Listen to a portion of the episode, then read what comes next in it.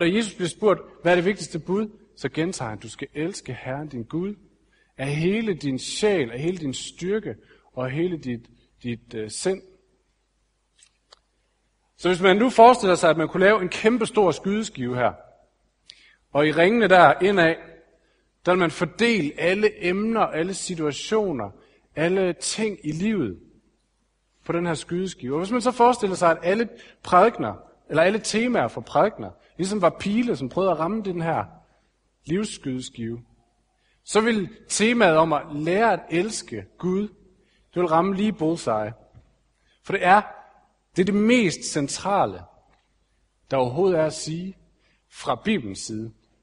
Og det er ikke bare et spørgsmål om at, at, at lære øh, sådan teorien om religion eller kristendom at kende. Nej, Bibelens, Bibelens påstand er, at det er det mest centrale, vi overhovedet kan lære om det her liv. Hvis vi ønsker at lære livet, ønsker at lære at mestre livet, ønsker at, at, at lære det gode liv at kende, så er bullseye, det er, du skal lære at elske Herren din Gud. Fordi, fordi det handler om at komme i kontakt med ham, som har skabt livet. Ham, som har tænkt tankerne om livet. Ham, som der har formet det her liv og den her verden. Og komme i kontakt med ham. Og høre ham sige, du er mit elskede barn. Jeg er stolt af dig. Og høre, hvordan det former mig som menneske, og få det at vide af Gud.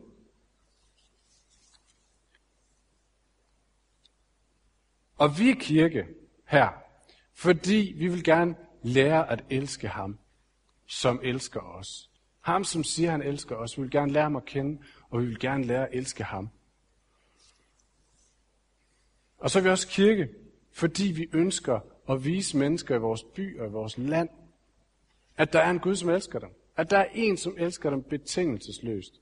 Og at de skal få lov til at, at, at blive formet af det her, og få lov til at få sat en ny overskrift over deres liv, der hedder at elske Gud og at lære at elske mennesker. Så til det, det den her kirke, som vi har her, er dannet på det grundlag, at vi vil se, hvad der sker, når vi, når vi lærer Gud at kende. Vi vil se, hvordan det forvandler vores liv. Og vi vil se, at Gud forvandler vores by. At Gud forvandler vores naboer. At Gud forvandler vores venner, vores familie. Vi vil ikke bare høre det som en teori om os selv og om andre. Nej, vi vil se det ske i virkeligheden. For det er Guds løfte. Der er øh, historien i, øh, i det nye testamente om den rige unge mand. Fordi det her med at lære at elske Gud, det er en kæmpe stor, på den ene side, udfordring. På den anden side en kæmpe stor invitation. Gud inviterer os til fællesskab, og han udfordrer os. I kan måske huske beretningen om den rige unge mand, som Jesus møder i det nye testamente. Øh, der står om ham, at han kommer oprigtigt og spørger Jesus, Jesus, det liv du har, det jeg kan se, der sker omkring dig, hvordan, hvordan får jeg del i det? Hvordan kan jeg få, få noget med det at gøre? Og Jesus siger, det er meget simpelt. Du skal bare følge mig. Det er sådan set meget simpelt. Men hvad vil det sige at følge Jesus? Jamen det betyder at sætte ham øverst på prioriteringslisten over alt andet. Og følge ham, det vil sige at kigge på ham og gå den vej, han siger, i stedet for at kigge på mig selv og gå den vej, jeg selv vil.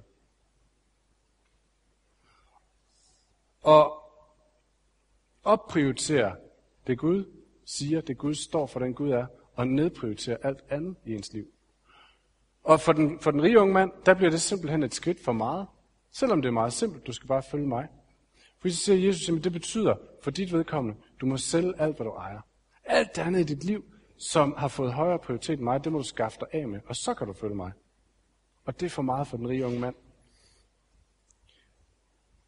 Og det er jo ikke, det er ikke fordi, det Jesus han kommer med, det er et kald til fattigdom. Det er ikke fordi, han siger, at så betyder det for alle, at de skal sælge alt, hvad I ejer, og så kommer og følge mig.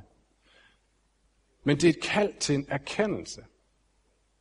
Det er et kald til at sige, den, det han faktisk siger, den faktisk siger til den rige unge mand, det er ikke, penge er forkert. Men det han siger, det er, at du må, du må komme til den erkendelse, at det liv, du selv kan skabe, det liv, du selv kan skabe, det kommer aldrig nogensinde til at bringe dig hen til det mål, som du faktisk gerne vil have. Det kan godt være, at du kan skaffe mange penge. Det kan godt være, at du kan, det kan godt være, at du kan holde alle budene, som man også siger, han kan. Det kan godt være, at du kan være moralsk virkelig god. Det kan godt være, at du kan blive rig. Det kan godt være, at du kan være sikker materielt. Men det liv kommer aldrig til at bringe dig derhen, hvor du gerne vil hen. Der er kun én vej derhen til Jesus. Og det er, at du sætter mig højere end det. At du sætter mig øverst på den prioriteringsliste. Og det ved den unge mand, og det ved nogle af jer også. At det betyder et, øh, et, et skridt ud i det ukontrollerede. Det bliver et skridt ud i noget, jeg ikke selv kan styre længere. Det bliver et tab af kontrol og sige, okay, nu følger jeg dig, i stedet for at følge det, jeg selv kan styre. Men Jesus siger, at det er den eneste vej. Og så siger han, hvis du følger mig, så vil jeg lede dig til det liv. I dag skal vi prøve, som jeg, som jeg lige nævnte ganske kort lige før, at vi vil prøve at lade Guds ord tale til os sådan lidt mere på individuel basis, eller hvad skal man sige, øh, i forhold til, at jeg står og siger en hel masse. Fordi vi tror på, at Gud ønsker at tale til os hver især. Og vi tror på, at hans ord er et af de steder, måske det mest centrale sted, hvor hans ånd kan få lov til at møde os og arbejde i os. Så det vil vi gøre ved, at vi øh, vil læse en tekst sammen, og så vil vi se på, hvad det betyder. Vi skal læse to, øh, øh, to små tekster. En fra det gamle testamente, og to små tekster fra det nye testamente. Det er sådan, det var. Øh, og de her tekster, de siger noget om, hvem Gud er. De, så siger de noget om, hvordan Guds kærlighed ser ud. Og så siger de noget om, hvordan det påvirker mit liv. Ja, og jeg vil ikke stå og sige en hel masse om dem nu. De ligger på jeres stole, de fleste af jer. Hvis ikke der er nogen på jeres stole, så fisk lige rundt, fordi så kan der være nogle børn, der har siddet på nogen eller et eller andet. Så vil de blive læst højt herop fra to gange, ganske langsomt. Og det I skal gøre, det er, at I skal læse med inde i jer selv. Og så skal I læse med den her bøn i baghovedet. Gud, Gud, hvad vil du sige til mig i dag i den her tekst? I en forventning om, at Gud har faktisk tænkt sig at prikke et eller andet frem, for det har han lovet, at hans tekst eller hans ord er virkningsløst. Eller ikke virkningsløst. Vender aldrig virkningsløst tilbage. Hans ord virker, lever. Det er ikke bare tekst, det er et levende ord. Så mens vi læser den, så, så have den her bøn i hovedet. Gud, hvad vil du minde mig om? Og så øh, må jeg give du dele de der blyanter ud. Dem vil jeg ikke lige dele ud, mens ungerne var. Øhm, så, så streg lige under.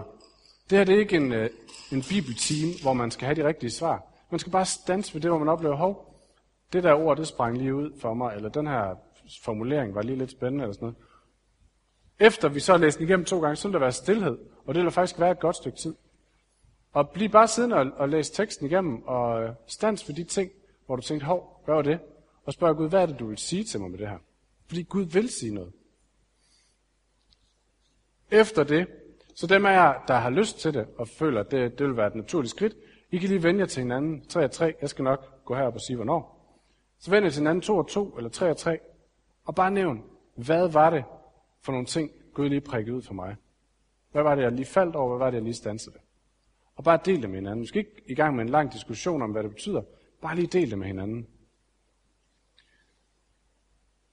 Jeg ved godt, at det vil for nogen være ukendt at gøre til en gudstjeneste, at man skal sidde og snakke med hinanden, men det kan man altså godt. Hvis du ikke synes, det er rart, eller ikke, du ikke har lyst til det, eller bare har lyst til at sidde for dig selv, så bare sige, jeg sidder lige for mig selv. Det er helt i orden. Så øhm, lad os gøre det. Og vi vil begynde med at læse den her tekst op. Og bare tag det stille og roligt, fordi nu er der ikke mere præstation i det her. Og nu, Israel, hvad andet kræver Herren din Gud af dig, end at du skal frygte Herren din Gud, vandre af alle hans veje og elske ham og tjene Herren din Gud af hele dit hjerte og hele din sjæl. For Herren jeres Gud er gudernes Gud og herrenes herre, den store, den vældige og den frygtindgydende Gud, som ikke er partisk, og ikke lader sig bestikke, men som skaffer den faderløse og enken ret, og som elsker den fremmede og giver ham føde og klæder. Derfor skal I elske den fremmede. I var jo selv fremmede i Ægypten. Du skal frygte Herren din Gud. Ham skal du tjene. Ham skal du holde fast ved. Og ved hans navn skal du sværge. Han er din lovsang, og han er din Gud. For dig har han gjort disse store og frygtindgydende gerninger, du selv har set.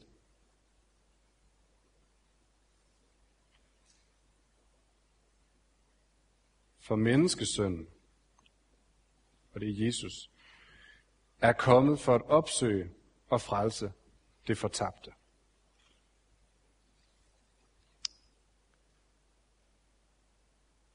Styrk derfor de synkende hænder og de kraftesløse knæ, og gå den lige vej på jeres ben, så de lamme ikke vrider sig led, men tværtimod bliver heldige.